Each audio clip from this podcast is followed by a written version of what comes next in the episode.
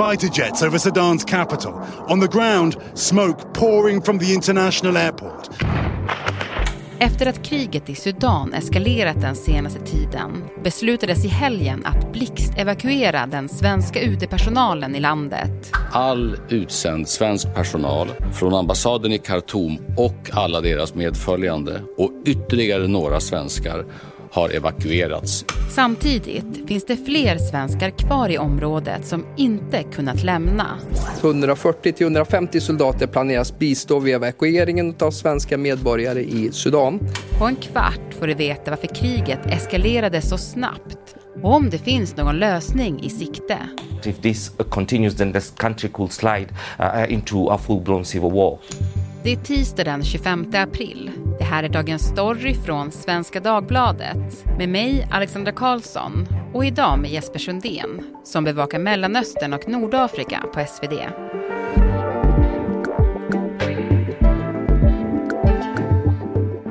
Du Jesper, det har ju varit en väldigt dramatisk utveckling i Sudan under helgen. Ja, verkligen hemskt. Mm. Med fullt krig i huvudstaden Khartoum som är bomb, de bombar ja, inne i stan. Alltså det är fruktansvärt. Mm. Och det råder brist på mat och vatten.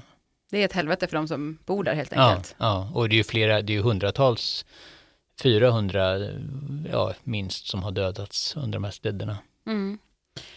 Du, jag tänkte att vi här i början skulle försöka blicka tillbaka och recapa den här konflikten lite grann. Alltså jag tror att många, inklusive mig själv, alltså man har vetat om att det har varit oroligt i Sudan eh, under en ganska lång tid. Men, men vad handlar den här konflikten om? Ja, för några år sedan, 2019, då skedde en revolution i Sudan. Folket eh, gjorde uppror eh, och, och militären störtade diktatorn Omar al-Bashir som har styrt eh, Sudan under 30 år. Det har ju varit en diktatur och det fanns, det fanns ett väldigt stort missnöje med Bashir men, men, men då 2019 så, så var det enorma eh, protester då mot, mot Bashir. Och...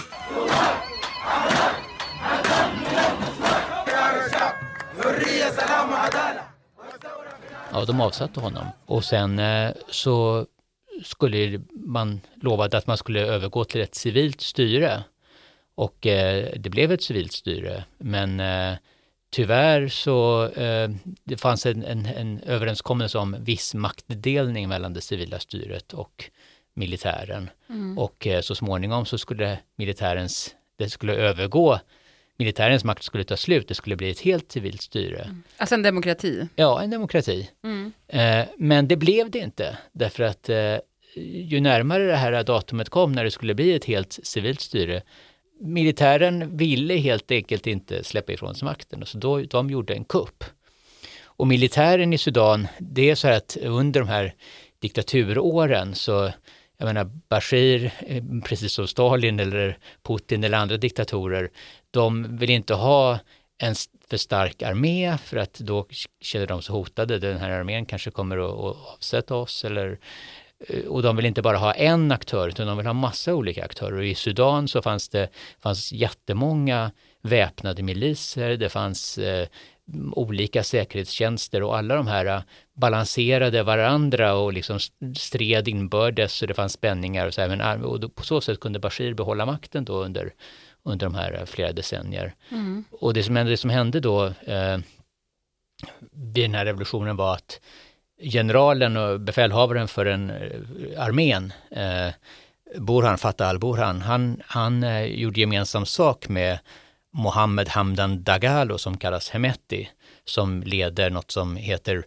Rapid Support Forces och som är en, en, ja, det är en samling av flera olika miliser eh, som, han, som han leder. Mm. De, de gick ihop då och, och störtade Bashir men sen gick ihop och, och tog makten och störtade det här civila styret. Ja men, och vad är det som har hänt sen då? Det har blivit en spricka. Sen eh, de gjorde den här kuppen, den militärkuppen mot det civila styret i oktober 2021, så har det ju funnits ett stort folkligt missnöje och, och, på årsdagen eh, 2022 då förra året så blev, var det enorma demonstrationer igen mot militären och man vill ha ett civilt styre och man började förhandla och i december så kom man överens om att man ska återgå till civilt styre igen. Det finns massa olika eh, led i det här, hur det här ska ske, men en sak som, som ska ske, det är att eh, de här så kallade Rapid Support Forces, eh, som leds av den här Hemeti, mm. eh, som egentligen är en massa miliser, de skulle integreras in i armén. Och de eh, paramilitära styrkorna, de går ju också under namnet RSF, det är ju en förkortning. Ja, RSF ja, som står för Rapid Support Forces, precis. Och en, en del i det här avtalet som man kom överens om i december som, ja, för att överföra styret från militären till det civila, mm. det är att eh, armén och RSF ska, de ska bli ett. RSF ska integreras in i armén. Eh, så att landet har en, en militär styrka och, och den ska naturligtvis vara underställd så småningom det civila styret. Mm. Men då var det väldigt stor oenighet mellan, mellan eh, armén, eh, ja, Burhan som, som leder armén och, och eh, Hemeti som leder de här RSF om hur lång tid den här integrationen skulle ta och hur den skulle gå till. Och, och jag menar, när, man, när RSF integreras in i armén, då förlorar ju Hemeti sin makt. Mm. Hans maktposition består ju av att han kontrollerar den här väldigt eh, stor och, och eh, mäktig eh, eh, militär eh, styrka. Mm. Hameti vill inte, han, han, vill inte släppa ifrån sig någon makt. Tvärtom, han har de senaste tiden så har han, han har börjat uppträda allt mer som en politisk aktör och man tror att han vill bli politisk ledare för landet mm. istället för en militär, en civil ledare. Mm. Men med det här ja, våldskapitalet för, förmodligen i, i, i ryggen. Mm. Varför har det blivit så våldsamt just nu Jesper? Man kom inte överens om hur den här integrationen skulle gå till. Uh, och, och då, då blev det en, ja, en, en konflikt helt enkelt. Burhan sa, ja men är, sker ingen integration, ja men det är, jag är, jag är leder armén, det ska inte finnas två arméer. Det är ju det här, det har man ju, det har de kommit överens om. Mm. Så då, och då ledde det här till att eh, det blev en väpnad konflikt och, och nu är det ju så att de helt enkelt strider om vem som ska leda landet. Mm. För egentligen så är det ju osannolikt att, att, någon av, att de skulle ha överlämnat det där civila styret mm. som var överenskommet, utan det är ju vem, vem, ska, vem ska kontrollera landet, vem ska kontrollera landets naturresurser och, och militären. Mm. Ja, men och som du är inne på här med naturresurserna, jag tänkte det finns ju också en del stormakter som är inblandade i det här. Både armén och RSF har goda kontakter i, i Gulfen. Men RSF, som de kontrollerar guldgruvorna i östra delen av landet, och eh, där är också Wagnergruppen, den ryska Wagnergruppen som leds av Jevgenij Prigozjin och mm. som är nära Putin. Där är även de verksamma. Mm. Ökända legosoldater. De ökända legosoldaterna som ju mördar och torterar och, och i, i både Ukraina och i Syrien. Överallt där Wagnergruppen kommer så, så är de, de är, tar för sig av ländernas naturresurser och eh, i utbyte då mot guld från de här sudanesiska guldgruvorna så ska RSF ha fått vapen och även utbildning av, av Ryssland.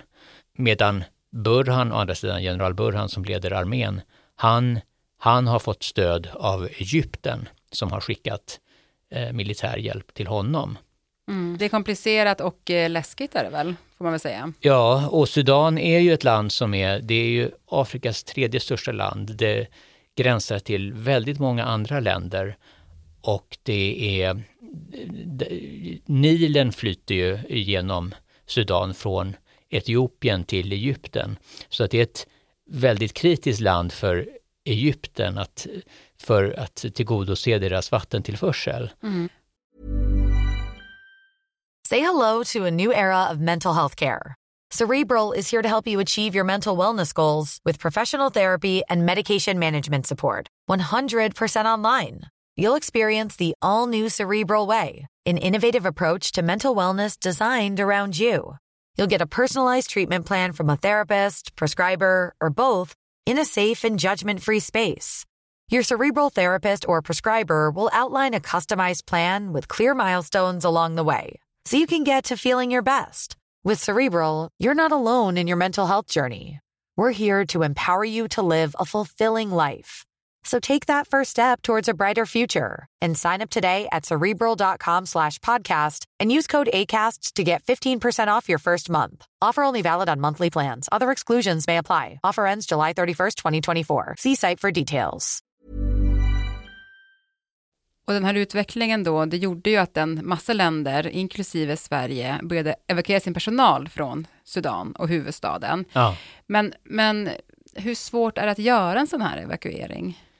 Det är ju ganska tufft eftersom det pågår eh, strider hela tiden och det skjuts, det, bombas mitt inne i stan och det är därför det har dött många civila.